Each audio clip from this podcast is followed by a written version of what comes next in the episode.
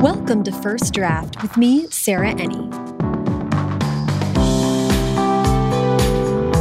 Today's episode is audio from a panel put together as part of A Mighty Blaze's YA Weekend, a celebration of authors whose debut novels came out in this strangest of debut seasons.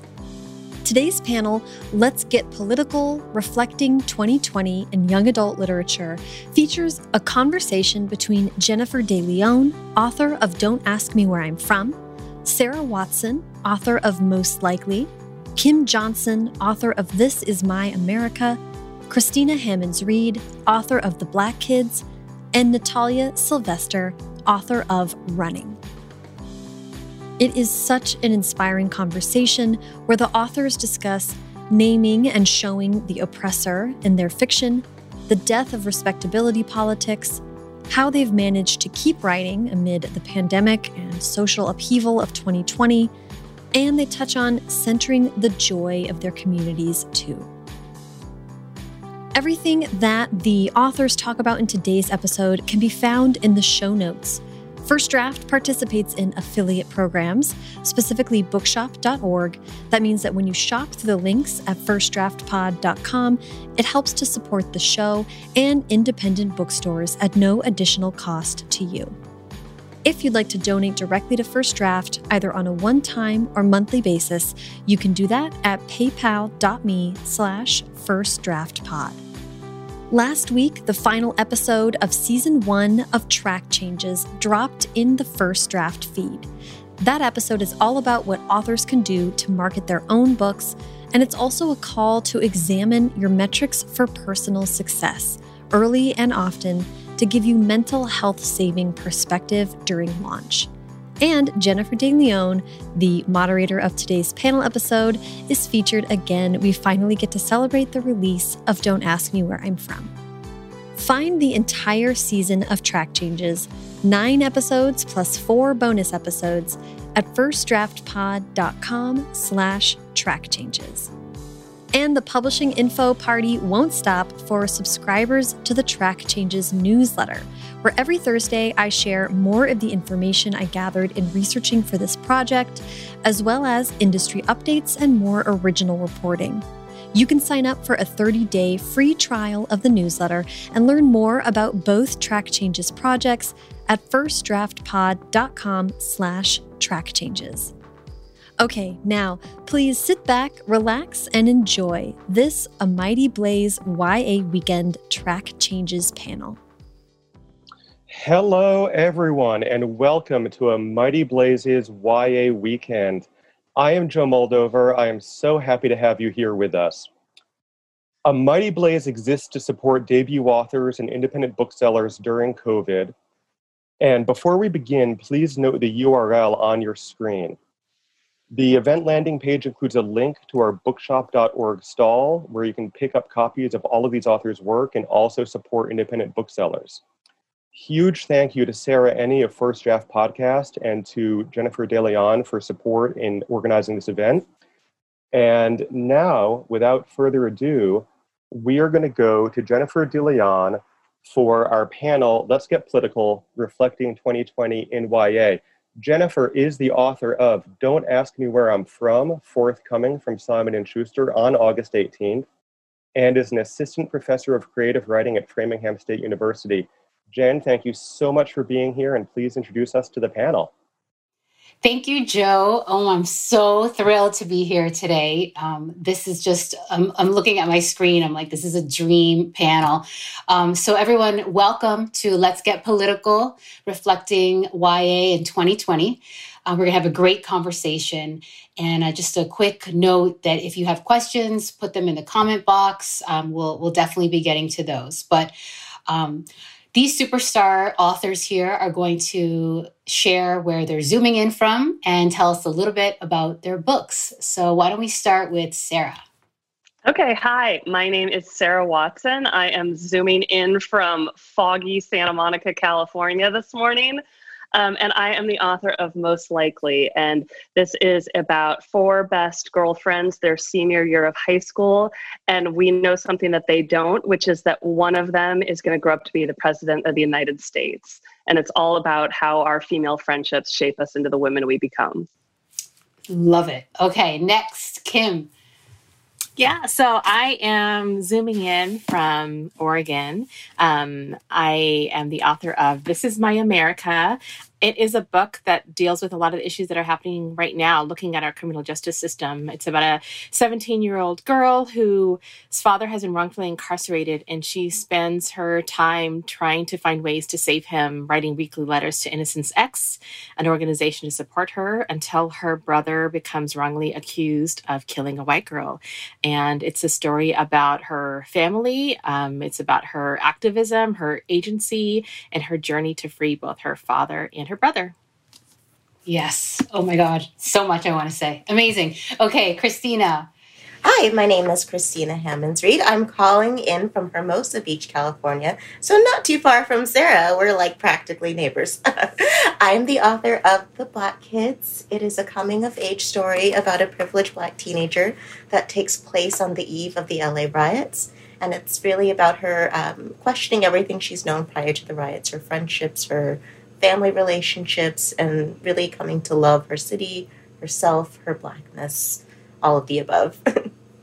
Amazing. Okay, thank you. Natalia. Hello. Hi, I'm so excited to be here. Um, I'm Natalia Sylvester. My pronouns are she, her, and I'm the author of this is actually my debut YA novel, Running. It's about a 15 year old Cuban American girl whose father's running for president. Um, and in the process, she's realizing her own political and personal beliefs don't align with his, and she has to then decide what to do with that. Will she use her voice in this very public manner now that the national spotlight is on her family, or um, will she kind of support him in the way that she always has? Um, uh, and in a way that it's almost kind of been taken for granted. So it's it's a story really about realizing the power of our voices, but also of um, realizing our own privilege and our the own like our own roles in in what we can do to create change. Yes. Oh my God. I'm just, these books are so incredible um, individually. And then as a collective, I, I, feel like teachers should teach units with these books and just everybody needs to read them. Um, so, my first question is uh, for everyone in general. I'm just kind of curious to know, um, you know, when you decided to um, you know say i can't i can't wait anymore. I, I need to put this in a story. I need to create art from these political issues that you might be grappling with. And and so i'm just wondering if there's a moment in your journey in your career where you where you realize like i have to put pen to paper. I guess i'll start. Um, i had had the idea kicking around for a really long time. Um, originally when i was in film school i was thinking of it as maybe a thesis film and then I decided to take a, a step back from the film industry and decided to write it as a short story. And then my agent approached me about writing uh, The Black Kids as a novel.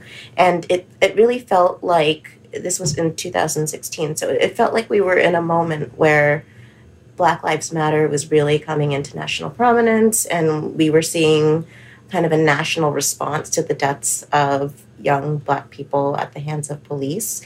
And so I wanted to write something that kind of reflected how we got to this point, like on this moment politically. So The Black Kids takes place in 1992, but um, the Rodney King incidents are really, uh, and the acquittal um, after the 1992 um, trial are really one of the first times where we see police brutality uh, inflicted on a civilian, then broadcast on a national stage. Um, so to me, it felt like super important to use history uh, to inform the present and to examine the present and to question why it is we haven't made more progress. Mm. Um, and then in 2020, it's become that much more relevant. So. Right, right. oh, I'm so interested in that. I mean, so you had an agent before you wrote the novel. I did. He saw the short story in One Teen Story where it was published and and and sought me out and was like, "Have you thought about this?" ah, I see. So it so Ashley wanted a bigger stage. I guess, I guess so. she demanded a bigger stage. She's such a diva. I love her. Oh my God, she had me cracking up. Um, I love that. Anyone else want to share a story about when? yeah, I'll follow. Yeah. I'll follow up with Christina just because um, I had very similar thoughts as, as, Christina. I think for for those of us who have known about.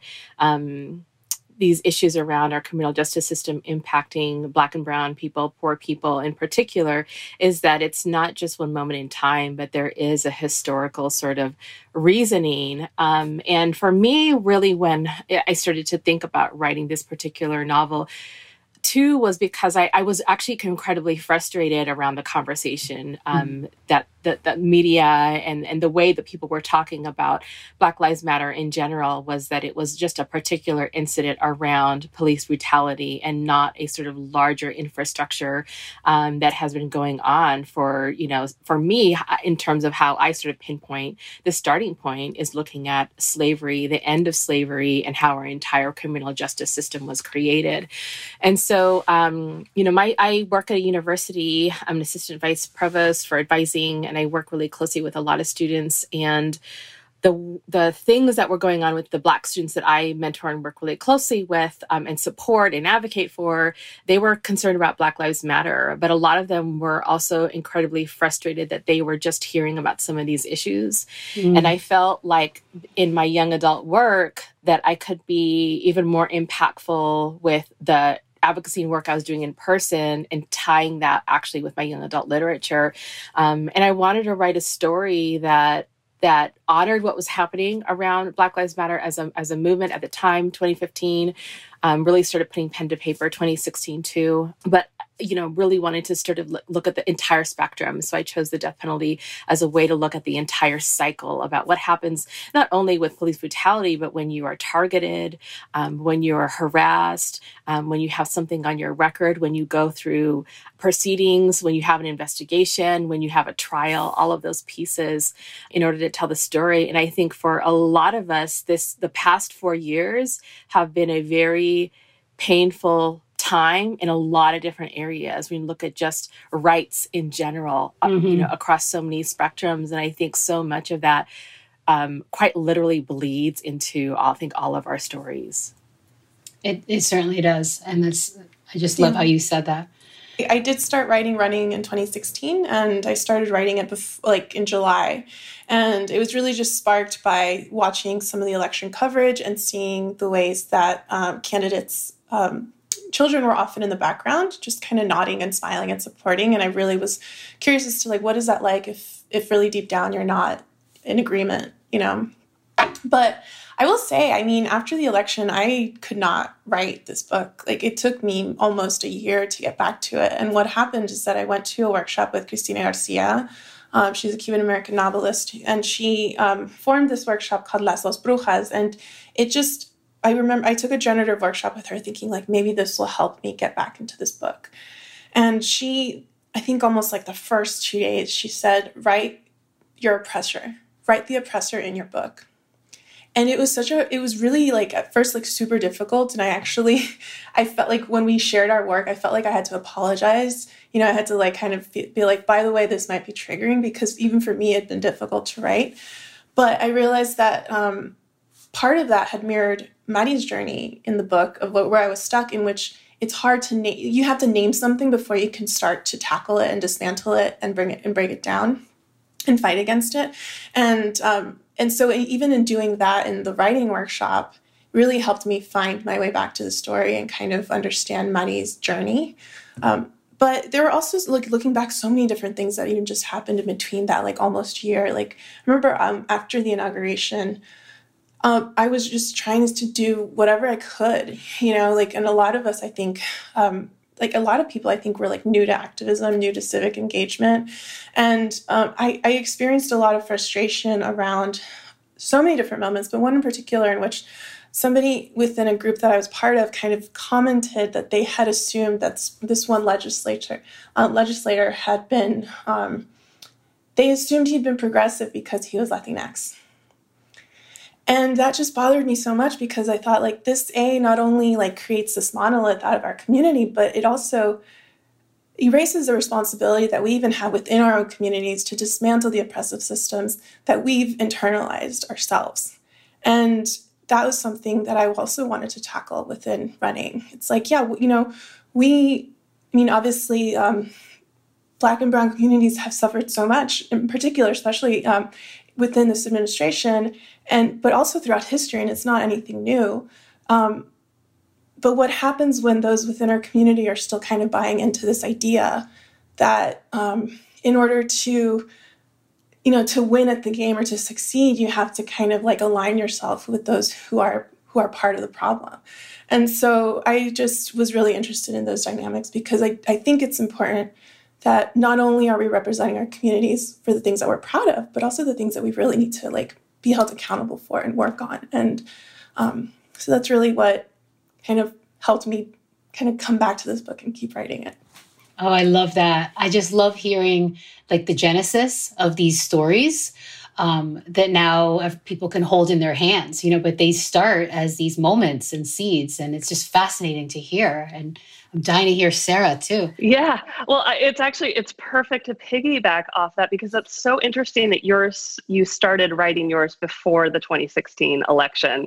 And Christine, I had read something that you wrote for Elle about how you had started writing this book under the Obama administration. Uh, and and mine was really born directly out of the night of the 2016 election. Mm-hmm. I have I have always been very politically active, starting really when I was in college, and um, I got so emotional in 2016 going into that to check a box for the first female president, and I really thought she was going to win. I had an election night party at my house, and you know we all know how that went, and.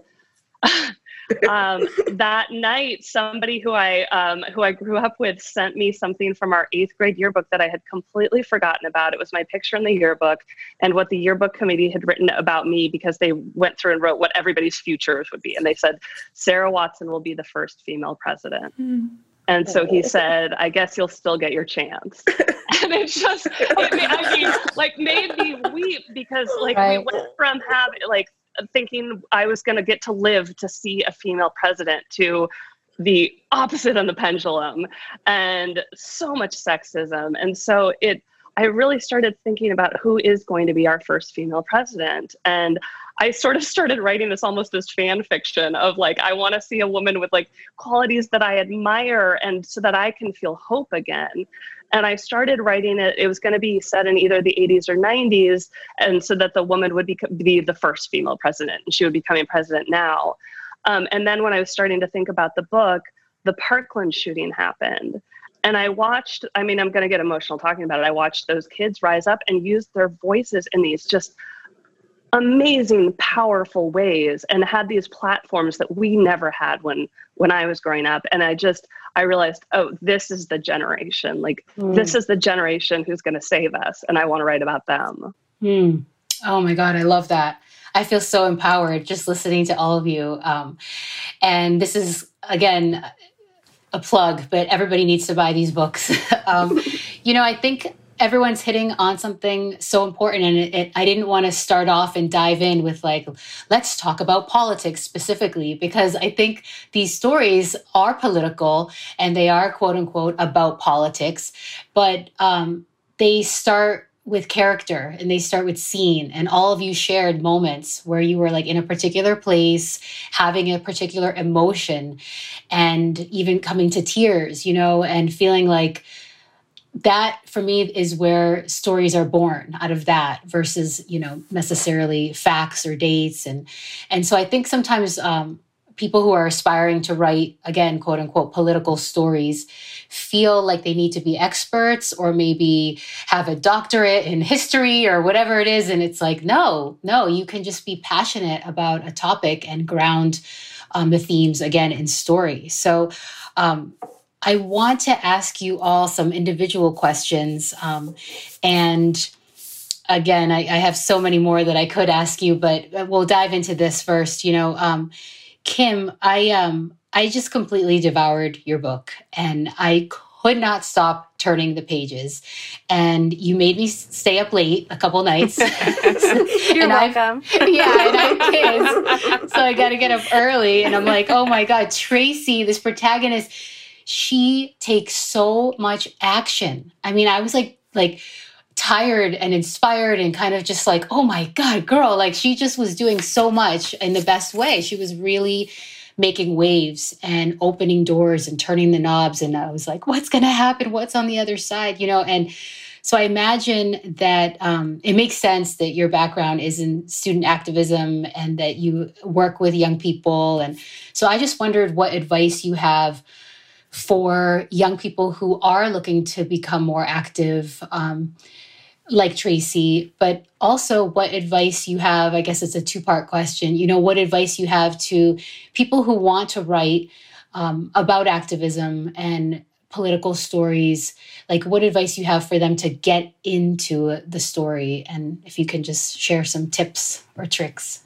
yeah, I think for for young, I'm always learning from young people. Every year, there's always a new wave of like four thousand new students that I get a chance to meet, and there there's always some kind of different energy. And so sometimes I hesitate even saying because I feel like I'm always learning from them because they are just quicker and smarter and just you know so creative with the way that they sort of engage and i wanted so much of that to be in my in my story so that they could so so people like that could sort of see themselves in a way that you often don't get a chance to see yourself.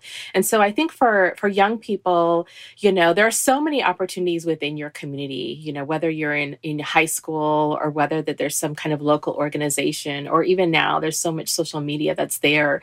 And i've I've been just so impressed by um, the way that in, you know young people have just done something on their own without even being involved in an organization. Where you know if you look at some of the early protests in some of the cities around the country, um, some of those were started by young people at high schools who said, "Hey, let's start, let's get together," and they're using social media to mobilize and, and get people networked. And so I think that that's really the beauty of of this generation is that there's so many different ways. Um, and I even hate to date myself because I don't even know what technology they're, they're, using anymore. I'll be like, they're mobilizing on TikTok. I have no idea. I can't keep up. They're, they're, there's, there's, always something new, um, and so I think I think about doing that. The other thing that I, I talk to a lot of young people is um, you have to you have to want to also get connected to uh, ways to actually move the issue. So, you know, a lot of young people are looking at protests, and and I think protests are are really important, critical um, ways to grab attention to people because it's a disruption. People don't like disruptions. It's a way to sort of shake up and, and pay attention.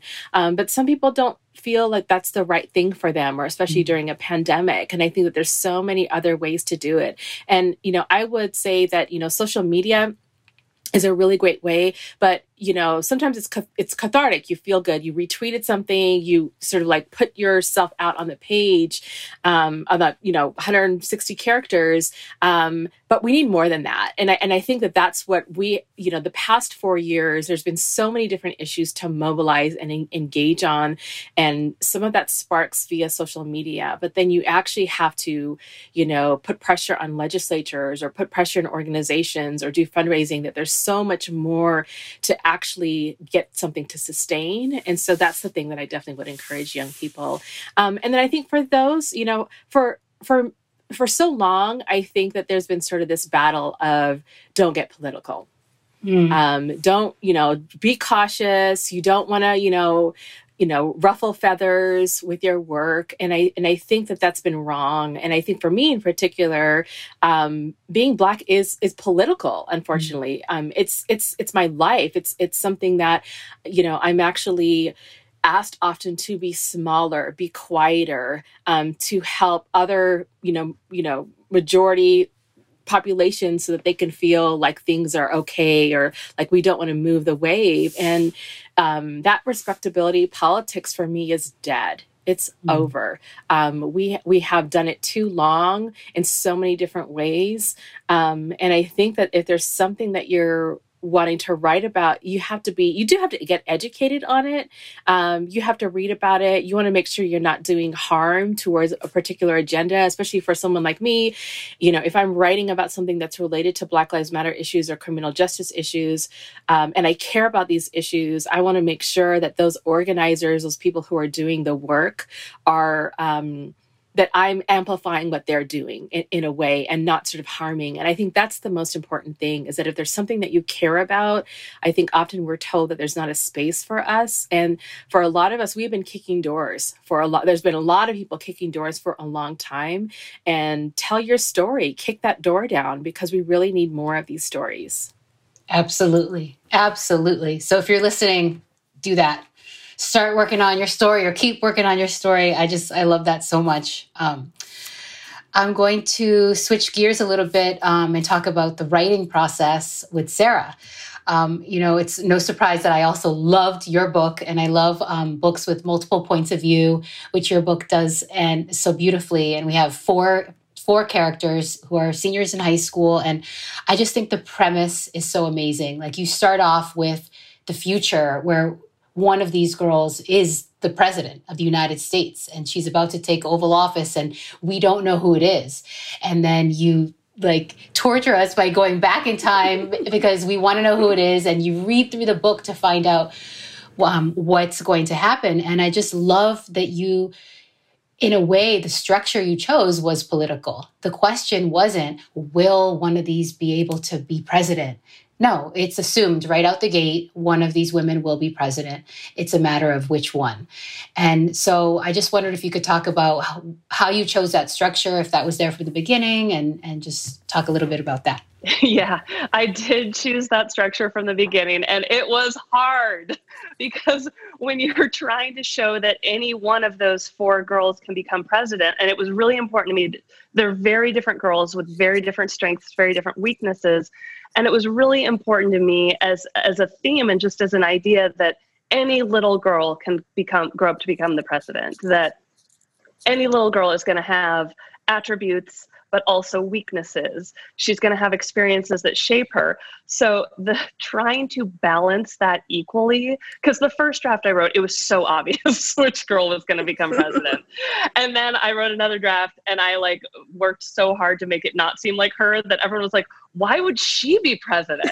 so I, um, uh, it was like oh, I had this whole color carded note card system where each girl got a different color. I had them all. It was like you know the serial killer boards you always see. It was like that. I'm like, and she'll do this, and she'll have her moment of strength here. And so it was um, color coded note cards was nice. the key to everything. But I had also sold this on a proposal, and my proposal was so ridiculously long. I should have just written the book because it in order to balance it out and show all that, I mean, it was like 30 pages of outline. wow. Oh my God. I'm always so impressed by like the color coded everything, the cards. Um, that's awesome. Got, I've got them here. oh my goodness. I'm going to officially try that one day. Um, so, Ashley Bennett, LA, 1992.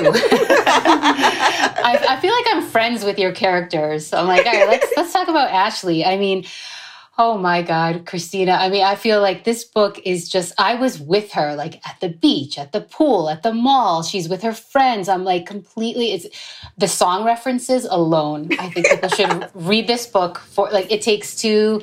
Like I just could not handle the '90s references. Um, and yeah, so okay, then we have Rodney King riots.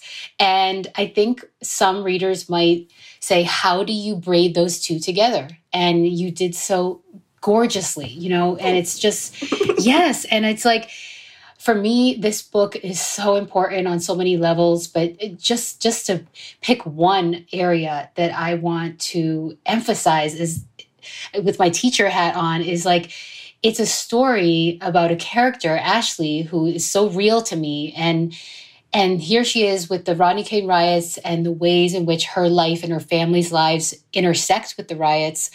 Um, on the page, it it's it's a piece of history that we don't often get when we're quote unquote learning about history. Or, you know, in history class, you might learn the timeline of the riots.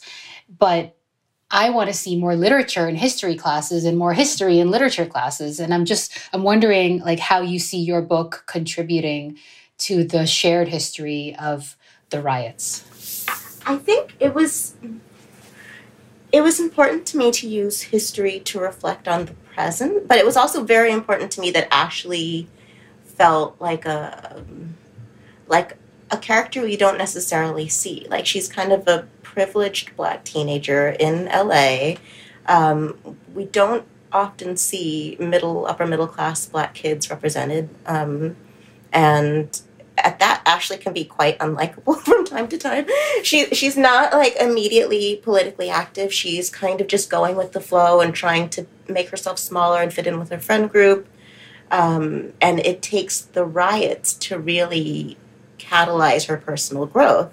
So I thought that was an interesting way to seek into sort of looking at the riots in terms of not just police brutality, but also race and class, and how um, blackness is not something that one can separate from race and class. Because I know for a while there were a lot of people who would be like, "Oh, it's not about race; it's about class, or it's about privilege." And and in my book, I really want to examine the ways in which that doesn't matter. Like it kind of all goes out the window when it comes to issues around unequal policing and systemic racism and intergenerational trauma. So even though Ashley is coming from a privileged position, she's still very much connected to these issues that um, are currently relevant. And in terms of 1992, it didn't really feel like historical fiction when I was writing it. I mean, I wasn't very old in 1992, but it still it's feels not. like. Can we just say it's right? not historical fiction?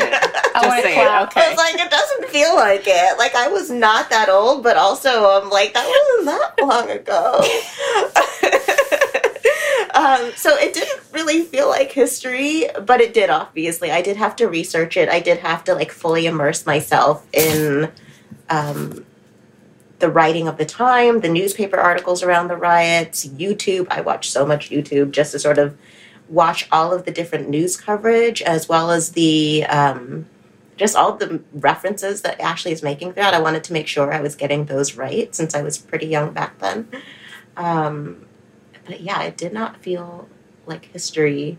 And mm. I think it also doesn't because it's so relevant. Like, I think that's part of it is that it really just feels like it could be in 2020. Absolutely. So, yeah, I was thinking that as I was reading. Yeah. Like, oh my God, it's just so parallel. In, I know. Unfortunately. way. Unfortunately. right. um, but um, but yeah, I hope that that it's included in so many history classes. Um, I hope yeah, so too. yeah. Um, I hope all right. So. Um, one question for Natalia, and then it's already time for audience questions. I can't even. Okay. All right. Um, Natalia, um, oh my God, your book, I read it in one sitting. It was so beautiful and so smooth.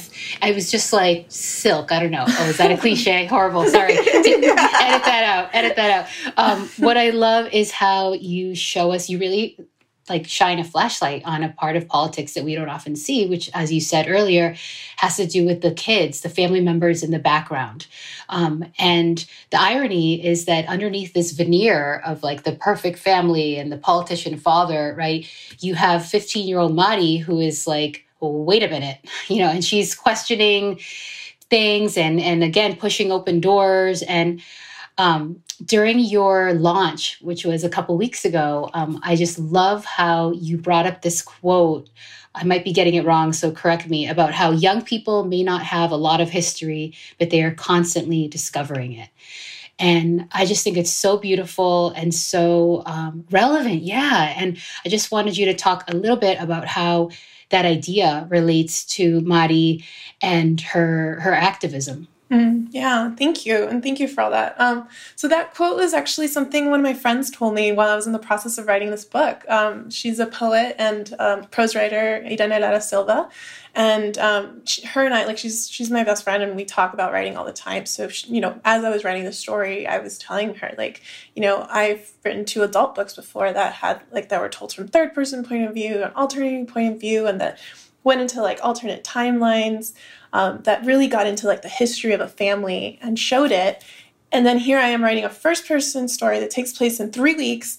Um, and from you know from the point of view of a 15 year old teenager who like you know at that age i remember especially like everything's immediate everything's happening in the now and so mm.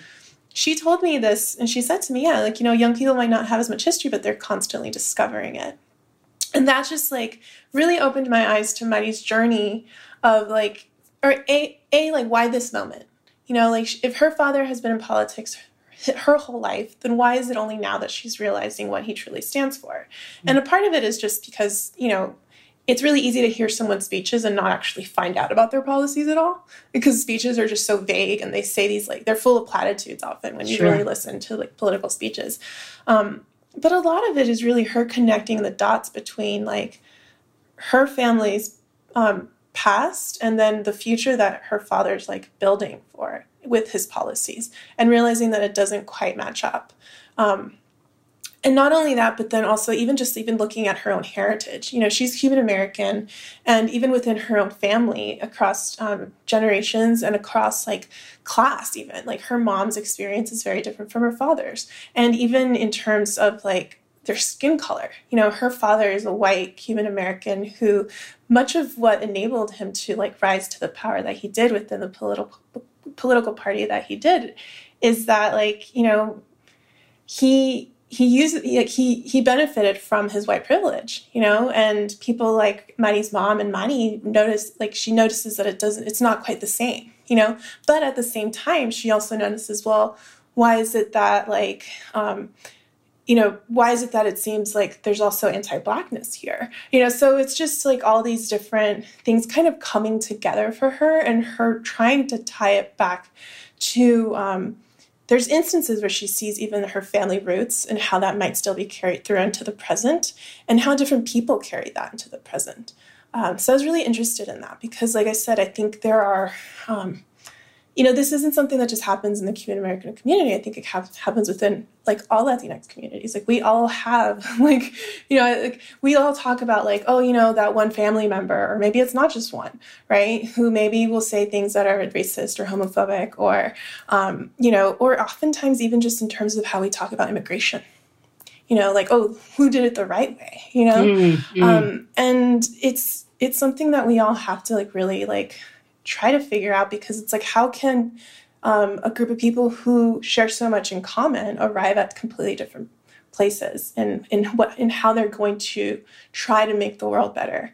But who are they leaving behind and who um, who is being harmed? And, you know there's like this one point in the story where Mari's dad tries to justify um, some one of his policies by saying you know this is just the way a city grows and it's just growing pains um, mm. because they're talking about gentrification and she's like, yeah, but who who's hurting the most? You know, who's hurting and who's benefiting and who's that serving? Yeah. So um, I do think that it's we have to be able to look at history in order to figure those things out because yeah. um, it informs everything, you know, and it Absolutely. informs our present and our futures. Right, right, yeah. The, these um, are coming of age novels, you know, and these um, young people didn't just pop up out of nowhere. You know, mm-hmm. they, are born into a history. They've yeah. inherited a whole family story, and I think that's that's it can be beautiful and complicated. Yeah. Um, so we have a question from someone in the audience, Tara, and um, Tara wants to know how do you keep writing when you feel crumbled by what is happening in terms of the oppression around the 2020 election? Once I take that. That's a good question. yeah. That's a really good one. Please oh, tell me someone in this panel has an answer because I need that. I need to know. Yeah. Right. I'm gonna take notes. Yeah. yeah. Uh, for me, I do have, whenever there's a spurt, what you know, yeah. I think like um, I have yet to meet an author who was like, "Oh, I'm flowing really well during this time period." There's no, no. I haven't met anyone yet, um, and so I think that you just have to sort of get over your um, your old patterns um, that you're used to doing, which I think, you know, for me, especially under a pandemic, there was a routine where I used to write, you know, all those different kinds of things. And you just have to sort of try to create your pattern. And sometimes that's chaotic and it's okay. I think that that's the piece that, that, you know, we set these goals and deadlines and, you know, pieces. And, and for me, it's just about, you know, what were you able to get done if it was a little bit that's great you know that you know give yourself grace and keep moving forward. But any other people with good ideas please. I, that's that's how i'm surviving. That's what i'm doing. Yeah, yeah. you know i think that's such good advice the be kind to yourself thing. Mm-hmm. absolutely. And and lower your expectations of your output. What i started doing is when i when i was um trained the training for a marathon and I didn't feel like running, what I would do is I'd tell myself, okay, you only have to go run a mile. Because usually by the time I got out the door and was running a mile, I'm like, okay, I'll put in the mileage. So I used to do these one hour writing sprints where I'd set my my watch for an hour and, and write for an hour. That's too much now. So I set my watch for 10 minutes because I find that like that one mile, like once I force myself to just focus for 10 minutes, it does help kind of and a lot of times I'll end up writing for longer, but sometimes I'll only write that 10 minutes and you know what? That's cool too. Yep. Yeah. Definitely. I um you know, like in the beginning of this conversation, I had mentioned how um, in that writing workshop, we had written that that um, exercise around um, write your oppressor. It also is something that's really important to me, though, in that it taught me that I don't want to write um, books that are solely in reaction to the oppression and that are solely framing marginalized people because that's like i often write about my community and you know like and but that are solely like i don't want to solely frame my community through the lens of our oppression and so when i think about when i'm writing my stories i really want to center the joy and the triumphs and the kind of un, uneven like the the things that we don't that that that get unseen way too easily mm. Mm. and i think about especially this moment that we're in now like one thing we can agree is that i think at least i hope we can agree is that there isn't like a normal we're ever going back to because that normal was actually leaving so many people behind so if i think about like what are the things that i hope from this moment that we're trying to save and that we're trying to take with us like if you imagine like sometimes i think about like okay if my if my house was burning what are the things that i'm going to grab and want to preserve and save, right? So I think about that, like just even here, like what are the things that we're going to want to protect and uplift and hold close and um, hope that we'll not only survive this moment, but like thrive. Mm. And if I can really visualize that, then that's what I want to center and that's what I want to help guide me as I go forward in my writing. That's great. Man, vote for Natalia. I, I am just like, yes, okay.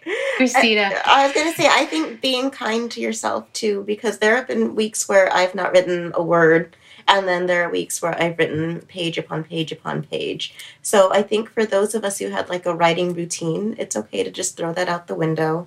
And I think for a lot of us right now, um, it's just such an emotionally tumultuous time as well. Like we are in a pandemic, we are in a moment of significant um, political upheaval. Uh, we are examining some really painful histories.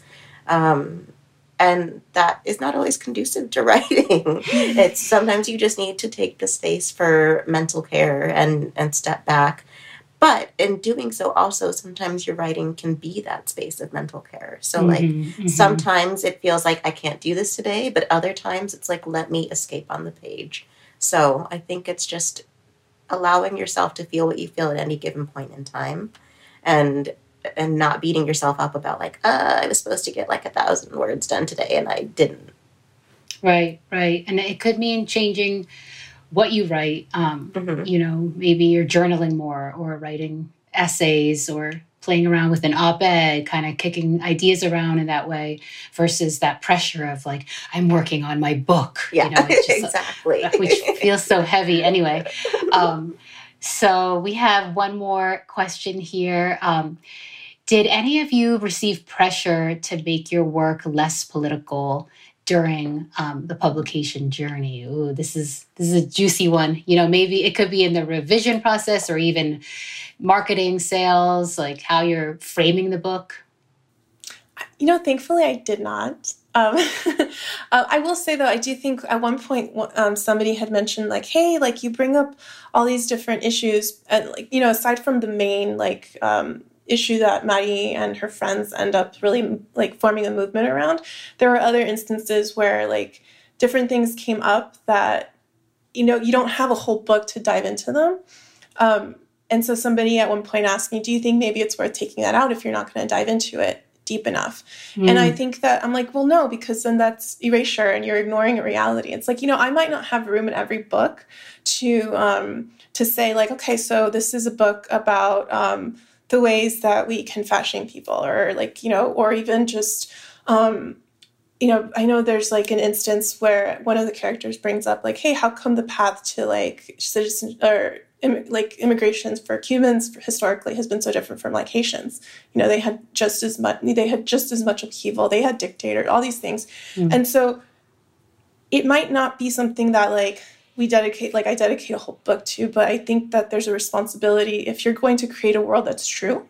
Like we don't always like walk around the world like delving into an issue right away or even in, in, in, full depth but we are a like people are affected by it and you have a choice whether to see it or ignore it um, and i didn't want to be complicit in erasing any of that and mm. i think mm. there's a very realistic way like it's actually far more realistic to portray these things um, in the ways that they pop up quite organically and are still there, whether or not you are seeing them and interacting with them directly, they are still interacting with and affecting other people. So I just felt like there's a responsibility to not um, to not be complicit in the erasure of things that yeah. are um, still, you know, alive and present in our world. You're and, so right. That's such a good point. Um, because as writers, we probably think, you know, in terms of editing and revising and cutting and trimming, mm-hmm. but um, it it that's also political. what are you cutting? Yeah. What are you trimming? What are you yeah. leaving on the cutting room floor? Um, so we just have a couple of minutes, and I thought we would um, close out by going around and. Um, I'd love to ask you to just end on, you know, saying a sentence or two on how you are different as a result of having written your book. So we'll go. Uh, I know, no, it's just a small question to end on. Yeah, just a little. I think this is going to trigger an existential crisis. well, oh God, am I different? I think for me, um, after writing my book, and then with everything that's sort of happening, you know, that's sadly very timely. Um, it did cause me to think about who, you know, who am I? What am I trying to do? Um, because so many people are talking about these issues. And for me, I actually went back um, to think about some of the greats who wrote about issues during the time. And, and, and, you know, I think about literary activists um, and what they did. And I feel like that to me is, is how I'm different. Um, mm. Is owning that, owning that space is that I know that, that people don't necessarily you know, some writers don't necessarily want to write about current issues. They want to escape, they want to do other things. And I think that that's beautiful. And I think that that's what's needed. But then I have to go back to think about who am I? What is my history? What have I been involved in? What do I, what stamp do I want to put down on this earth that's based on my purpose?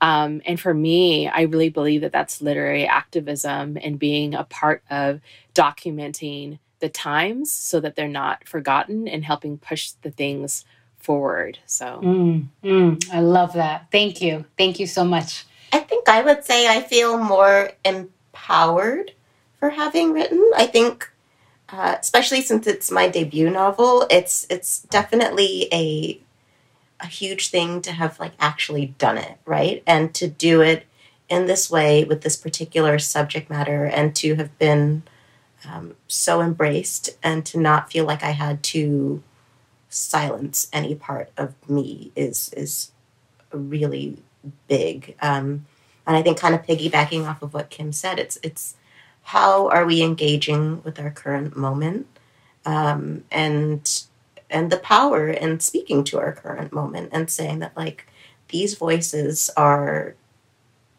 inherently political. Why are we not like we can do that in our writing.